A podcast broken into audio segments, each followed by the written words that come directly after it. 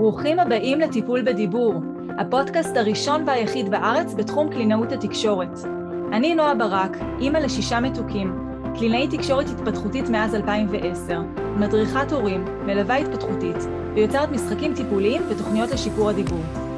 הפודקאסט עוסק בתחום השפה והדיבור מנקודת מבטה של קלינאית התקשורת, דמויות להורים ולכל מי שנמצא בתקשורת יומיומית עם ילדים.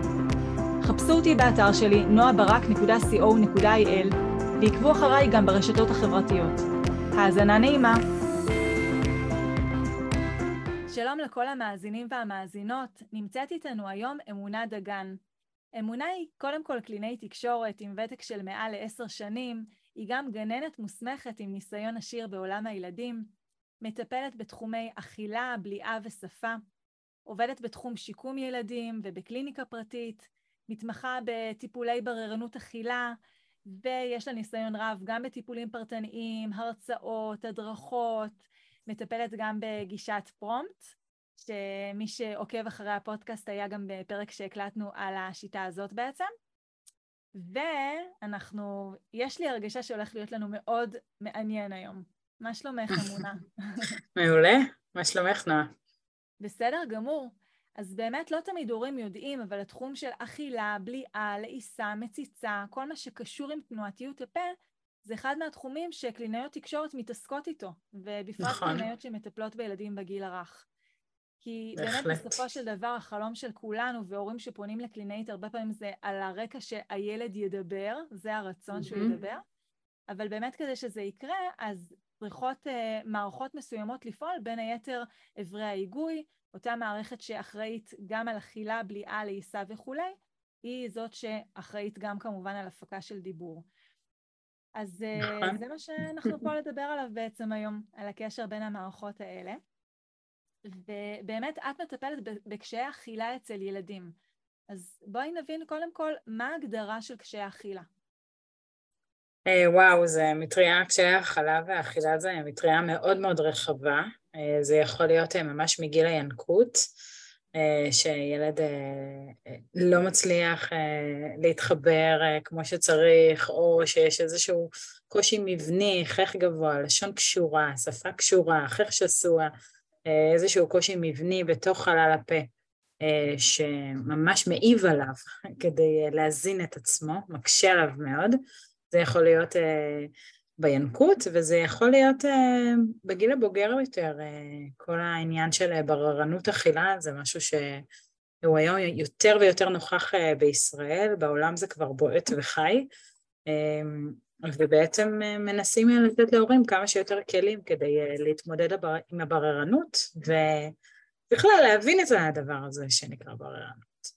אז קשיי האכילה זה ממש מטריה רחבה. נכון, ובעצם באמת הזכרת את הקשיים הפיזיולוגיים שהם בעצם מולדים, כל הקשיים שציינת אותם מקודם, או לרוב, בואי נגיד ככה, הם מולדים. נכון. אה, ובואי נדבר באמת על קשיים שהם מולדים, והם כן יכולים, הם לא בהכרח משפיעים על, על אכילה, אבל כן יכולים אה, נניח להשפיע על דיבור, כמו למשל לשון קשורה. נכון. לפעמים פוגשים ילדים בקליניקה שזה לא הפריע לתהליך היניקה, אה, ובאמת מעניין גם לדעת אם יש הבדל בין אה, הנקה משד או הנקה מבקבוק לצורך לשון קשורה. כלומר, אם יש רמות מסוימות שמפריעות ככה ולא אחרת, mm-hmm. אבל זה כן יכול לפגוש אותם אחר כך בקליניקה בהגייה מסוימת. נכון, ללשון קשורה יש הגדרות מאוד ברורות ויש גם אה, מדרג מאוד ברור איזה לשון היא ממש ממש מה שנקרא תת-תפקודית לגמרי ואיזה לשון כן יכולה להגיע לאיזשהו תפקוד, אבל לא בטוח שהתפקוד הזה הוא איכותי. זאת אומרת, ילד הרבה פעמים כן יכול לאכול, להזין את עצמו, ואז כשאנחנו נפרוט את אותו ילד וממש נמיין את מרקמי המזון שאותם הוא אוכל, נגלה שוואלה, הוא לא מתמודד עם מרקמים קשים, אוקיי? כי בעצם המרכיב של לשון קשורה לפעמים אה, מקשה עליו. ומתי אנחנו מגלות את זה לרוב? אה, דוגמה מהסוג הזה, אנחנו מגלות את זה דווקא עם הדיבור. אה, כי הוא כן אוכל, הוא כן מסתדר, אבל אנחנו uh, מבינים שהוא לא מצליח לדבר או להפיק קיצורים כמו שצריך, והרבה פעמים ההתערבות היא גם וגם, לא, לא תמיד ההתרה בגילאים הבוגרים קורית מיד, uh, זה תלוי במקרה, והרבה פעמים ילדים כאלה צריכים להגיע אלינו מהצד של האכילה לקבל תרגילים, לעידוד תנועתיות של הלשון, לחשיפה למרקמים עם יותר אתגר אכילה, שמהווים איזשהו אתגר עבורו, לחזק את הנגיסה, לחזק את הלעיסה, ולרוב זה ממש משפיע על הדיבור. ממש ממש הדיבור משת... משתנה באופן אוטומטי. זה לגבי לשון קשורה. כן. ובאמת בכלל אנחנו, אצלנו, או אצל הרבה הורים אינטואיטיבית, כשמדברים על אכילה, אז אנחנו חושבים על דיאטנית או כן. איך בעצם אימא או הורה שמרגיש שלילד שלו יש קושי באכילה, איך הוא יודע אם הוא צריך לפנות לקלינאית או לתזונאית? אז קודם כל באמת אה, תזונאיות, אנחנו כל הזמן איתם. אין יום שאני לא מדברת אה, עם לפחות כמה, אם לא יותר מכמה. אנחנו עובדים ביחד. אה, מתי לבוא לתזונאית ומתי לבוא לקלינאית? זה, אין איזה משהו חד, אבל אני כן אגיד בגדול שדברים שקשורים לייעוץ התזונתי של, של התינוק, לרוב נלך לדיאטנית. משהו שקשור לתפקוד של הנגיסה, לעיסה, מציצה, יכולת של תזמון בליעה, תלוי איזה מקרה זה, יכולת של עבודה חושית, לפעמים, הרבה פעמים ילדים נמנעים ממרקמי מזון לא בגלל חוסר יכולת לאבד את אותו מרקם בתוך חלל הפה שלהם, אלא בגלל קשיים חושיים. הוויסות החושי, האוראלי שלהם בתוך חלל הפה הוא כל כך כל כך נמוך שהם לא מצליחים להיות מאותגרים במרקמי מזון שונים.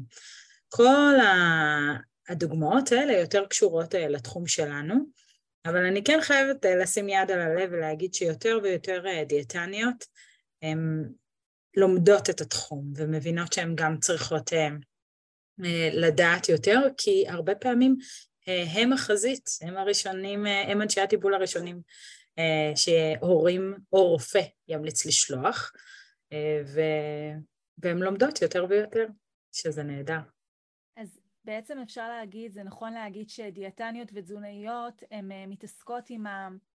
עד כמה אה, מזון נכון נכנס, על עניין של כמויות, עניין של איכות האוכל, אם הוא מצליח בכלל להיכנס לגוף, ואנחנו כקלינאיות אולי מסתכלות על האופן שבו הוא נכנס, כלומר אופן הלעיסה, אופן הבליעה.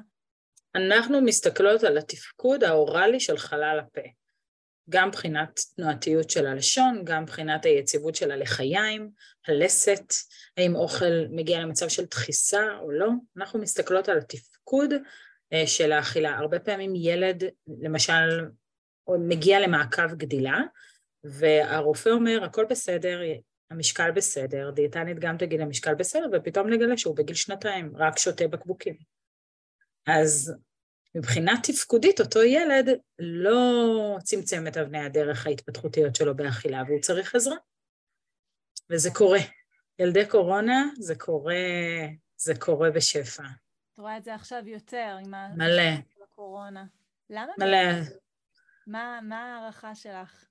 התחושה שלי אמ, לילדים שנמצאים היום סביב גיל ארבע והרבה פעמים פתחו אה, פערים באכילה, אה, לא עשיתי שום מחקר בתחום, אני כן. נטע אומרת מהניסיון הקליני, זה שבאמת היה פחד שהילד יהיה חולה, או חס וחלילה ייחנק, או לא יצליח להתמודד עם המרקם. והורים חששו לפעמים להגיע למערכת הבריאותית שגם ככה הייתה רואה כולה באותה, באותה תקופה. אז אה, העדיפו ללכת על הבטוח, שזה בקבוקים. וואו. האוכל טחון.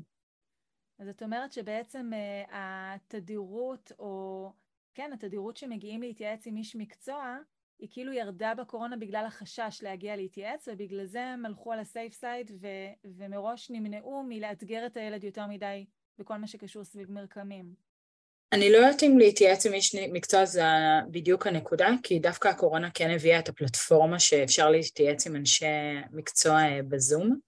אז הורים כן התייעצו עם אנשי מקצוע, אבל לא תמיד הם יכלו לקבל את המענה הטיפולי המתאים שהילד שלהם זקוק לו. אמ, והרבה פעמים נוצרו פערים. כן. מעניין. מאוד. אז בואי באמת נדבר על איך אנחנו יכולות לעזור לתינוקות לבסס הרגלי אכילה נכונים, כאלה שיתמכו ביכולת המלמול והדיבור שלהם. אוי, שאלה נהדרת. קודם כל, אני חושבת שצריך אה, להבין משהו אה, מאוד מאוד בסיסי. כל הזמן מדברים על זה ששישה חודשים מוצקים. מוצקים מתחילים בשישה חודשים. עד אז בקבוקים, הנקה, מה שאותה משפחה אה, מחליטה להאכיל את התינוק. אבל אני אומרת, יש עוד איזה שלב צר בדרך, שלפעמים אנחנו לא חושבים עליו, וזה השלב הזה שילד עושה חקירה אוראלית. במונחים מקצועיים אנחנו קוראים לזה mouthing. זה היכולת שבעצם של הילד להכניס חפצים לחלל הפה ולא רק את אגרופי הידיים שלו, ולחקור אותם. אמ, הרבה פעמים ילדים וגם הורים לא מודעים עד כמה השלב הזה הוא כל כך כל כך כל כך חשוב. שלב באמת באמת מאוד חשוב, הוא הבסיס האיתן, הוא היסוד לאכילה ולמעבר למוצקים בצורה איכותית יותר. ואני אומרת שאם יש לכם יכולת, או אם אתם מקשיבים עכשיו לפודקאסט הזה ויש לכם ילד בן שלושה חודשים, ארבעה חודשים, חמישה חודשים, תעודדו אותו להכניס אה, חפצים לפה, ואם לא חפצים, אז נשכנים.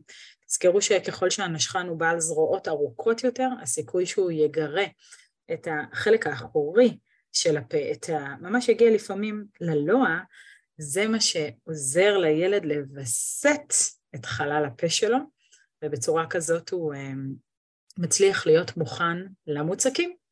אמ, וזה שלב מאוד מאוד חשוב שהורים אה, יכירו. זה עוד מרכיב שמעודד את המלמול. ככל שהלשון נעה בחלל הפה בצורה יותר רוטציונית, והיא לא מחכה רק עד שלב המוצקים, ואז היא מתחילה אה, לנוע רק סביב גיל שמונה, תשעה חודשים. יש תינוקות שמצליחים כבר לעשות רוטציה בלשון אה, בגילאים צעירים יותר, אז הרבה פעמים אנחנו ממש נראה קשר אה, עם המלמול. האכילה היא בסיס איתן לדיבור, ומאוד מאוד חשוב אה, שנכיר את השלב הזה. מעניין, באמת עולים לי בראש הורים שאני יכולה לדמיין סיטואציה שהילד מכניס ידיים לפה או דברים אחרים ואומרים, לא יפה, זה לא יפה. מין אמירה נכון. לא יפה. כן. שחוזרת ולהוציא את זה, כאילו, כי, כי לא, כי לא מכניסים לפה. כן, את צודקת. זה בהחלט, אה, אנחנו שומעות את זה. אה, אנחנו שומעות את זה הרבה, שהורים ככה מוציאים את הידיים של הפה, כן. של התינוק שלהם, סליחה, מחלל הפה, ואני אומרת בדיוק ההפך, תנו לו, תנו לו להכניס אותם, וכמה שיותר עמוק זה יותר טוב. הרבה פעמים גם הורים נבהלים מהריור, כי הרבה פעמים האצבע ככה אה, מעוררת ריור יתר בתוך אה, חלל הפה או החפץ, ואז הם פתאום אומרים, אבל הוא מרייר לי. ואני אומרת, זה טוב, זה טוב שהוא מרייר. הריור בשלב הזה זה שלב התפתחותי, זה טוב. אנחנו מברכים אותו ומחבקים אותו חזק. וכאן אנחנו נכנסות כנשות מקצוע לנרמל, לנרמל ולהסביר עד כמה השלב הזה הוא חשוב. נכון, לנרמל אה. ואפילו לעודד את השלב הזה, כלומר ממש... כן, ממש. להכניס לפה, לגרות אותם להכניס לפה ממש באופן אקטיבי, לא רק לא למנוע, אלא ממש לגרום לזה כן. לקרות יותר. ממש ממש. מה לגבי עצמאות באכילה? אנחנו יודעות, את בטוחה שתסכים איתי שעצמאות היא חשובה בכלל להתפתחות ולתפקוד של הילדים, אה, אבל אני, אני באמת, שוב, עולים לי בראש אה, מקרים שפגשתי של הורים שחוששים שהוא לא יאכל לי, גם האמירה הזאת, שהוא לא יאכל כן. לי מספיק טוב, אה, כן. ואז הם מעדיפים להאכיל אותם לבד, גם, גם מחשש שהוא לא יאכל מספיק, גם מחשש שהוא לא יאכל נקי, ש, שהוא יתלכלך יותר מדי, אז בואי נדבר על העצמאות, על המקום שלה פה בתוך האכילה. אז אני מניחה שאת כבר מדברת על תינוק שעבר לשלב של מוצקים ואולי הוא כבר בטחון או מעוך או אפילו אה, נכון. חתיכות או מרקם יותר אה, מעורב או מורכב. בגדול, הורים צריכים לזכור טוב, טוב, טוב, טוב. מיומנות נרכשת רק מהתנסות, רק מיכולת אה, התנסות של הילד. ככל שהוא יתנסה יותר עם אותו מרקם, הוא יצליח גם אה, לעודד את עצמו לאכול למשל מכפית או מזלג או לשתות מכוס או, אה, או מה שזה לא יהיה. אה, זה מרכיב אחד אה, שצריך לזכור, שהמיומנות הזאת נרכשת אה, לאט לאט. ומה היה החלק השני ששאלת? סליחה. העניין של העצמאות, למרות שהם התלכלכו ולמרות שאולי הם לא יאכלו מספיק ולמרות שככה זה באמת תהליך שצריך לעבור אותו, עד כמה העצמאות היא חשובה. אוקיי, okay, אז באמת צריך לזכור שבשלב מעבר למוצקים, מה שמוביל אותנו זה לא כמות המזון, אלא איכות המזון.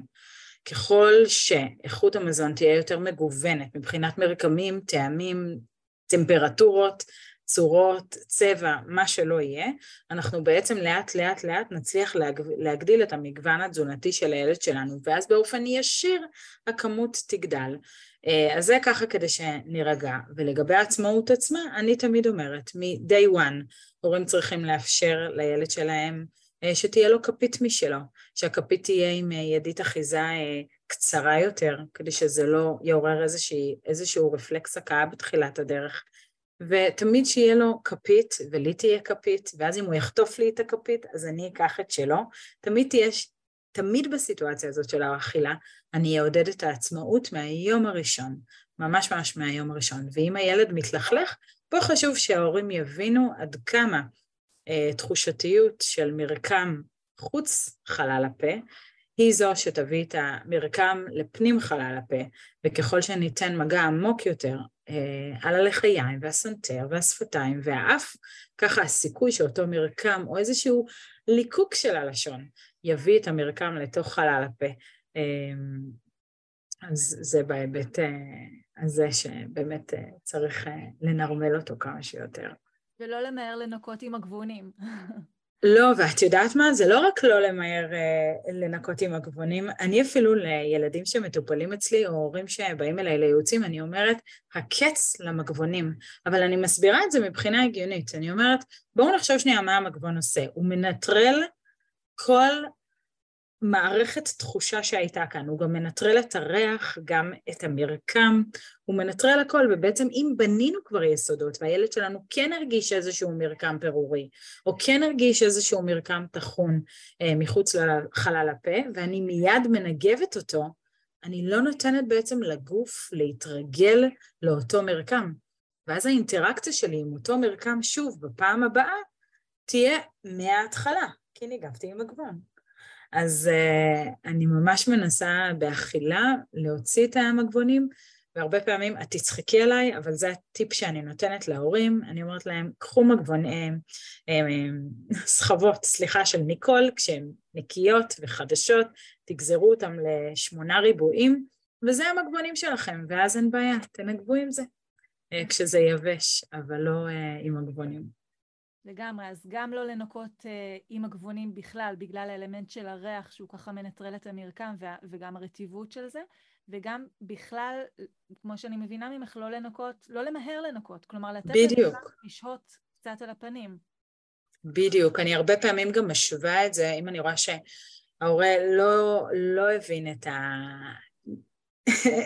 לא הבין את המשימה הזאת, את החשיבות עד הסוף, אז אני כן אומרת, למשל, בוא נשווה את זה להליכה, אוקיי? תינוק בתחילת הדרך לא מיד הולך עם נעליים, אוקיי? הוא צריך לחוש את הרצפה, להיות יציב עליה, להבין איפה הוא נמצא במרחב, לצעוד לאט-לאט.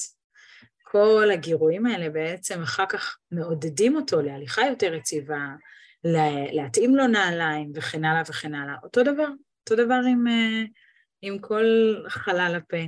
אה, כי צריך לזכור שבסופו של דבר אכילה זו מיומנות מוטורית, זו מיומנות מוטורית שהתינוק צריך לרכוש, ואנחנו צריכים בשבילה בסיס איתן.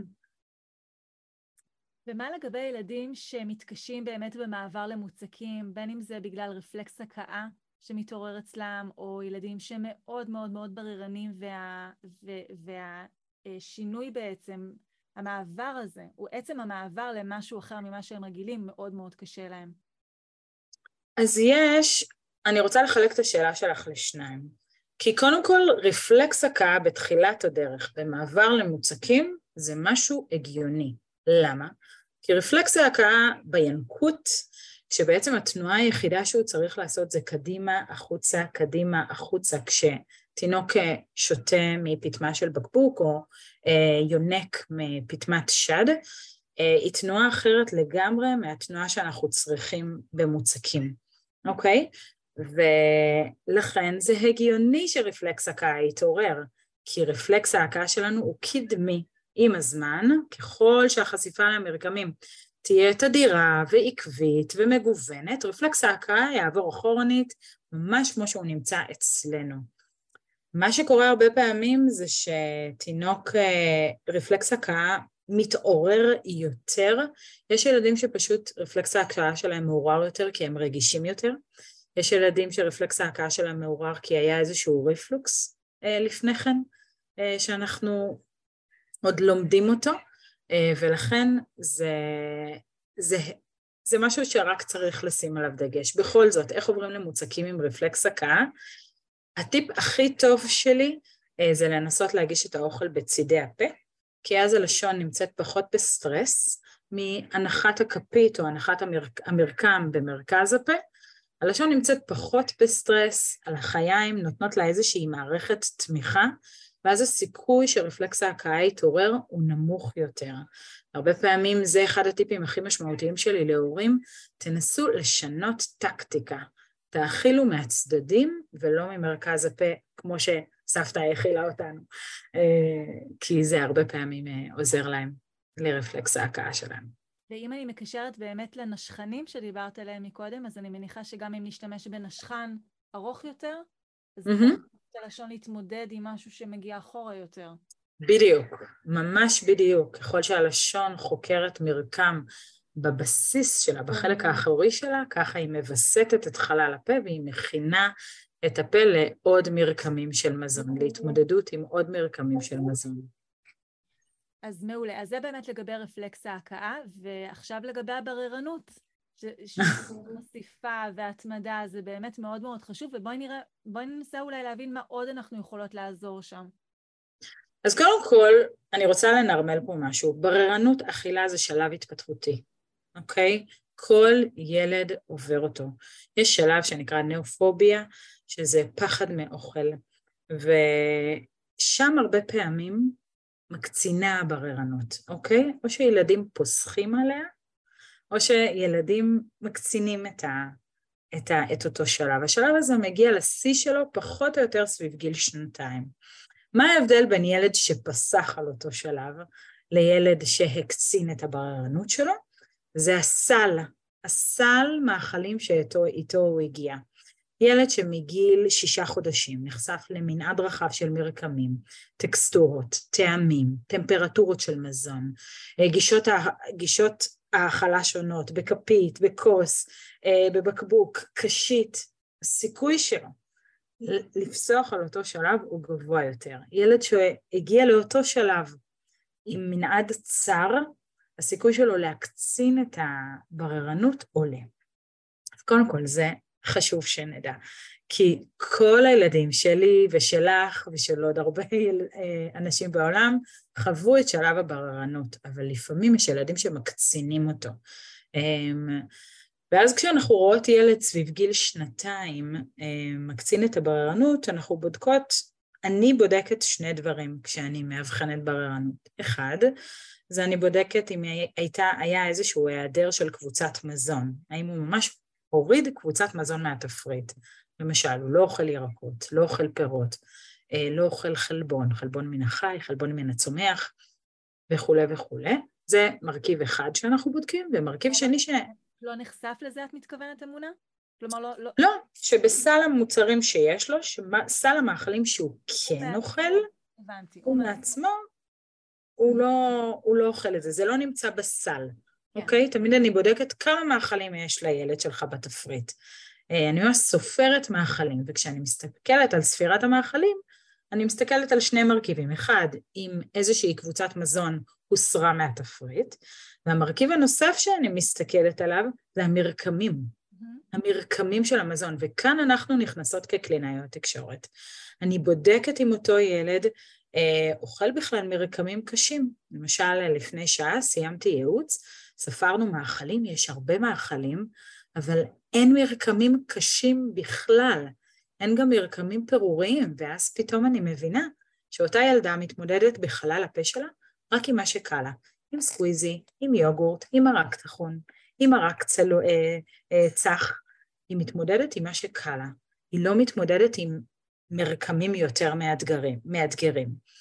אמ, ובטיפול עצמו אנחנו עושים טיפול ממוקד שגם מנסה להרחיב את הסל הקיים וגם מתחיל לחשוף למאכלים חדשים.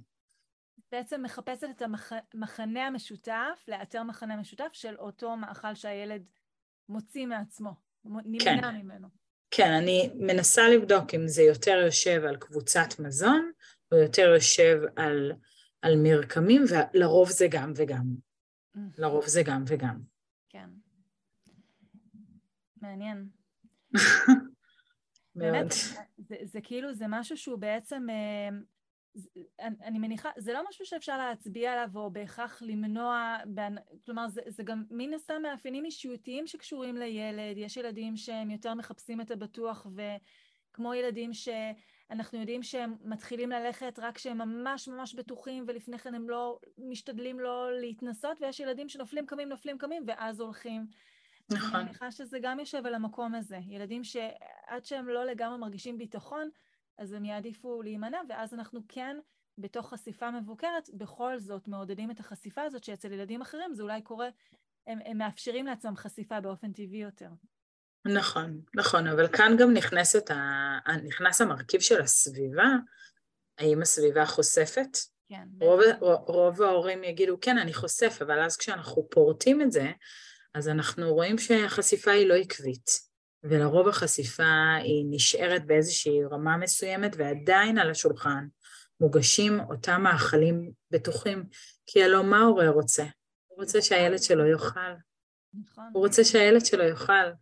וכאן אנחנו, אנשי המקצוע, נכנסים ואומרים, אוקיי, אז תשאיר לו איזה עוגן אחד על השולחן, אבל לא שכל הארוחה תהיה עוגנים, כי אחרת איך נפתח אותו למאכלים חדשים, למרקמים חדשים. צריך לזכור שלאכול זה עבודת שרירים רבה, מעל 20 שרירים מעורבים בזה, ומלא מערכות חישה, לפחות איזה שש או שבע אם אני לא טועה, ויש עוד שישה עצבים קרניאליים, כאילו כל זה צריך להסתנכרן בסוף לבליעה. כמה אתגר יש לילד צעיר, אז זה הגיוני שהיא, שלא הכל ילך חלק. נכון. ולפעמים יהיו אתגרים. זה הגיוני. ובאמת, זו... נכון, אני אומרת, ובאמת התפקיד כהורה זה לאתגר את הילד, וזה כל כך לא פשוט כהורה. נכון. כמו שאת אומרת, עדיף לי לתת את מה שאני יודעת שיהיה לו קל, ושאני לא אצטרך להתמודד עם הקושי הזה שלו, ו... וזה באמת לא פשוט. זה לא פשוט להבין שאני חייבת כל הזמן טיפה לאתגר כדי שהוא יוכל להתפתח, כי אחרת אי אפשר להתקדם. נכון. נכון מאוד. אמ, צריך גם לזכור שלעיסה בכלל זו, זו המיומנות המוטורית הקשה ביותר. אה, יותר, יותר מלכתוב, אה, יותר מלגזור. היא ממש מצריכה עבודה מסונכנת של הרבה שרירים, וזה, וזה בסדר שלא הכל הולך אה, בול חלק, אבל פה אנחנו נכנסים כדי באמת לתת להורה, להורה את הכלים שהוא ידחף את הילד שלו קדימה, כי הורים אני בטוחה שגם את מרגישה את זה בתוכנית שלך עם ההורים. הורים הם סוכני השינוי של הילדים שלנו. בוודאי. הרבה יותר, אה, נכון. כן, רק הם, באמת הרבה יותר מאיתנו. אנחנו צריכים לנווט, לכוון, לייעץ, ובסופו של דבר הם אלה שיכולים להוביל את השינוי. אצל הילד שלהם. משמעית, ובאמת, אה, נכון, הרבה פעמים זה עבודה עם ההורה, כמו שאת אומרת, להסביר לו למה, למה זה בכלל חשוב. נכון. היא לא פשוט להתמודד עם ילד שבוכה ורוצה דווקא את זה, ואולי יהיה קצת יותר רעב כי הוא עכשיו אכל פחות ממה שהוא רגיל אליו. אבל אם אני כהורה, אפרופו אם אני גם משווה לנושא אחר של אה, גמילה ממסכים או צמצום mm-hmm. מסכים, זה לא פשוט. אבל אם אני כהורה מבין את זה, כמה הדבר הזה חשוב, אני אוכל להכיל גם את התסכול או את הקושי של הילד, ולצד זה להמשיך לאתגר אותו. נכון? כן, נכון. באמת, נכון. בין, בין המשפחות באמת שאני מלווה ומסייעת להם לעזור לילדים להצליח בתחום הדיבור, אה, לדבר כמו שצריך, יוצא לי לפגוש לא מעט ילדים בני שנתיים, שלוש, לפעמים mm-hmm. אפילו יותר משלוש, שעדיין שותים מבקבוק של תינוק עם פטמה. גם אם זה חלק מהזמן, או חלק מהמשקאות, או חלק מהזמן ביום. בואי נדבר על עניין הבקבוקים. מתי נכון להניח בצד את הפטמה של התינוק ולעבור כבר לבקבוק של גדולים? ואולי גם אה, ננסה אה, להכווין הורים איזה בקבוק שתייה הכי תומך ומחזק את התנועתיות של השפתיים והלשון. טוב, התנשפתי כששאלתי את השאלה הזאת, כי אה, זה, זה נושא שאני אה, גם מדברת עליו הרבה בהרצאות שלי בקורס, אה, בקורס שלי למטפלים, יש לי קורס שנקרא עושות סדר, וממש כמעט שעתיים מהקורס מוקדשות לזה, ללמד מטפלים מה נכון ומה לא, ואני מתנשפת כי זה האתגר, זה האתגר ההורי היום לפי דעתי. אז אני רוצה קודם כל להסביר מבחינת רציונל מה קורה כשילד צעיר ממשיך לשתות מפטמה של בקבוק. אמ, יש ילדים שזה עובד להם והדיבור יהיה בסדר והכל יהיה בסדר, וגם את זה צריך לזכור. הכל בסדר. יש ילדים שזה עובד להם, ואני אומרת, וואלה, מגניב. אבל יש ילדים שצריכים יותר סביבה תומכת. וכאשר אנחנו מאפשרים לילד צעיר, וכשאני אומרת צעיר אני לא מתכוונת חמישה חודשים, אני מתכוונת שנה וחצי, אוקיי?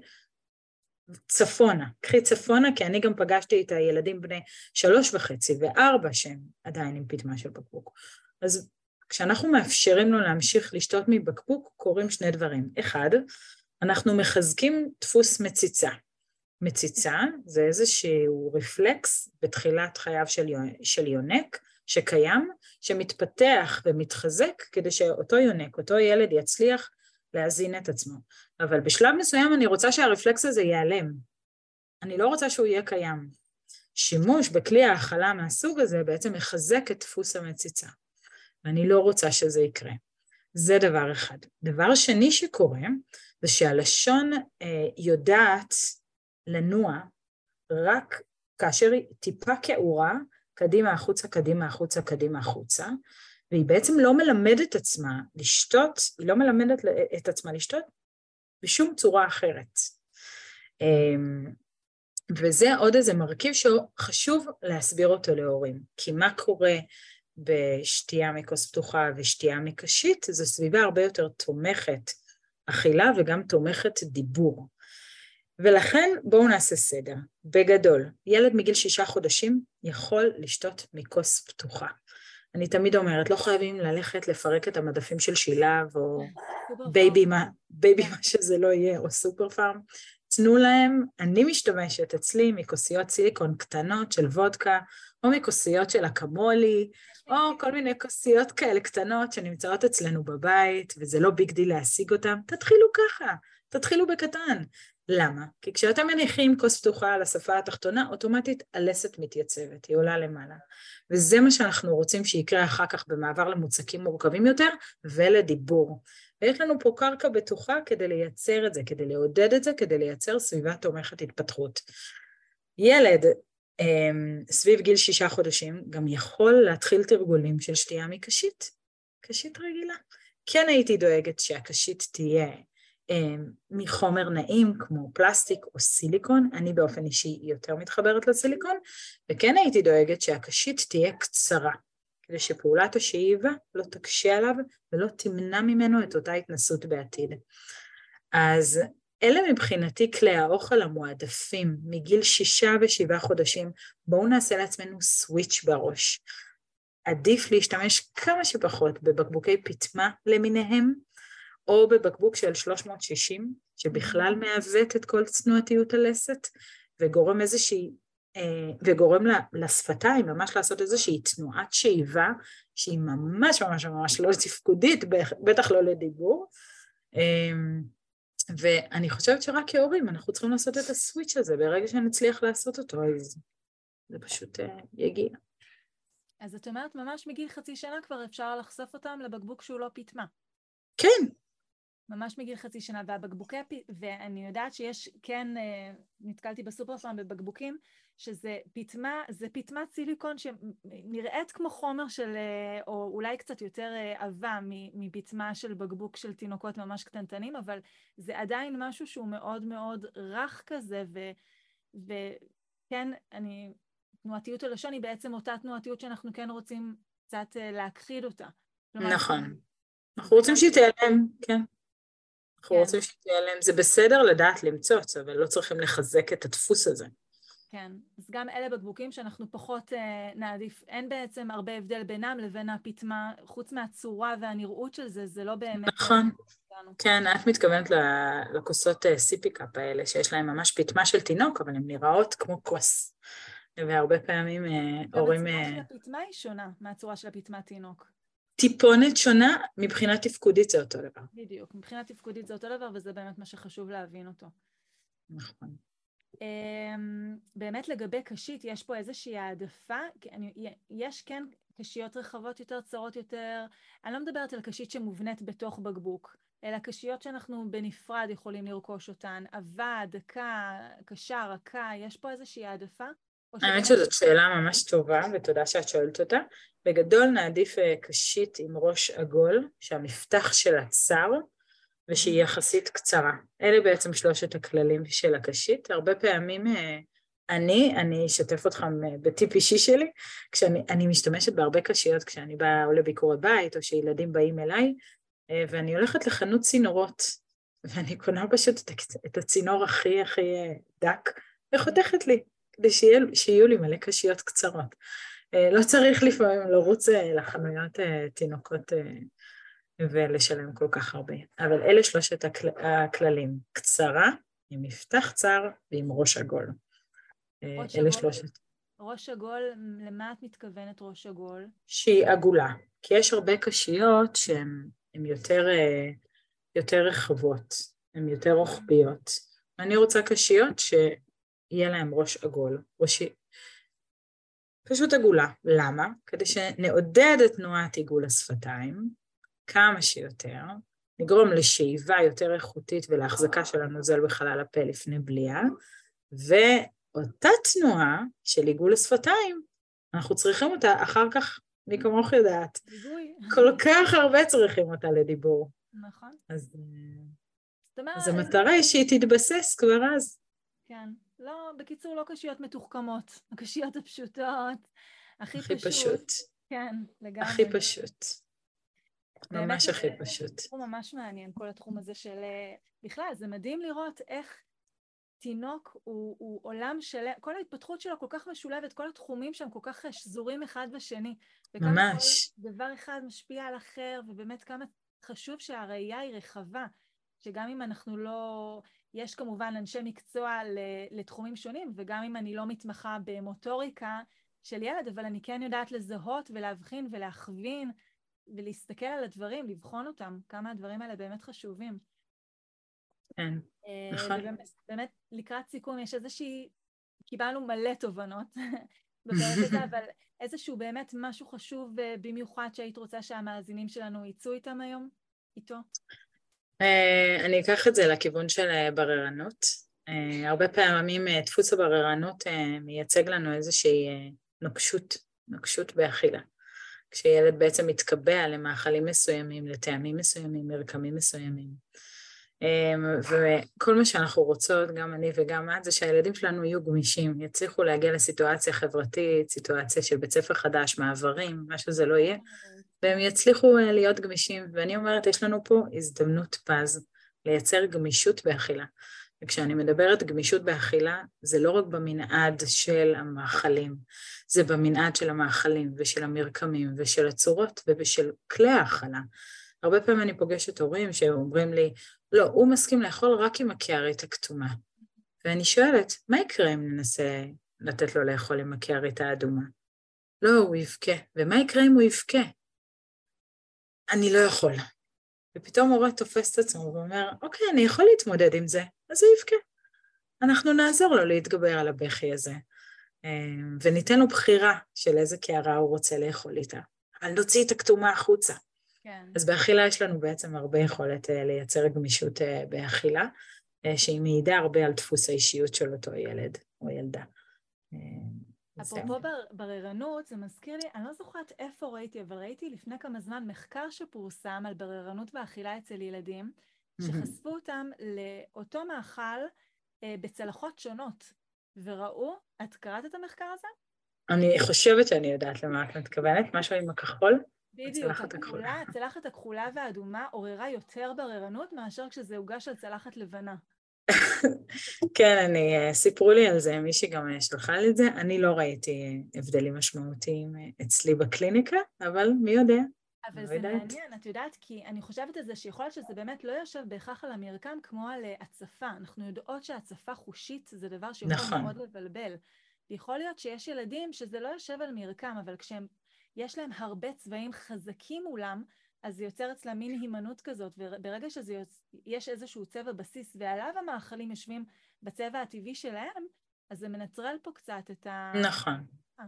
מאותה נקודה של הצפה חושית צריך לזכור שילדים בררנים לרוב יש להם איזשהו אתגר חושי קל או קשה, לא משנה, אה, אבל אנחנו הרבה מדברים על הצפה חושית, כי כשלמשל הצלחת מלאה בכל טוב, אז הילד הרבה פעמים בעצם חושב שההורה מצפה ממנו שהוא יסיים את כל הצלחת. שם הוא נמצא במצב של הצפה חושית, ולכן אחד הכלים שלנו זה בואו נגיש מעט, בואו נעודד את הילד לבקש עוד, אבל נגיש מעט על הצלחת, כדי שהוא לא יגיע למצב של הצפה חושית, כי הרבה פעמים בהצפה מהסוג הזה, הדפוס הראשון יהיה הימנעות. נכון. אנחנו רוצים להשאיר אותו קרוב לשולחן, רוצים שהוא ייקח חלק בארוחה, ולא לעודד את דפוס ההימנעות. הכל מתחבר להכל בסופו של דבר, ממש. נכון, נכון. אז אמונה, תודה רבה שהגעת להתארח בפודקאסט, היה ממש מעניין. בשמחה, תודה רבה גם לך, גם לי היה מאוד מאוד מעניין, וכל הכבוד לך על העבודה שאת עושה עם הפודקאסט. תודה רבה. תודה שהאזנתם לעוד פרק בפודקאסט טיפול בדיבור. רוצים לעזור לילדים שלכם לדבר טוב יותר כבר עכשיו? שילחו הודעה לנייד 050-769-4841 ואולי נדבר בקרוב.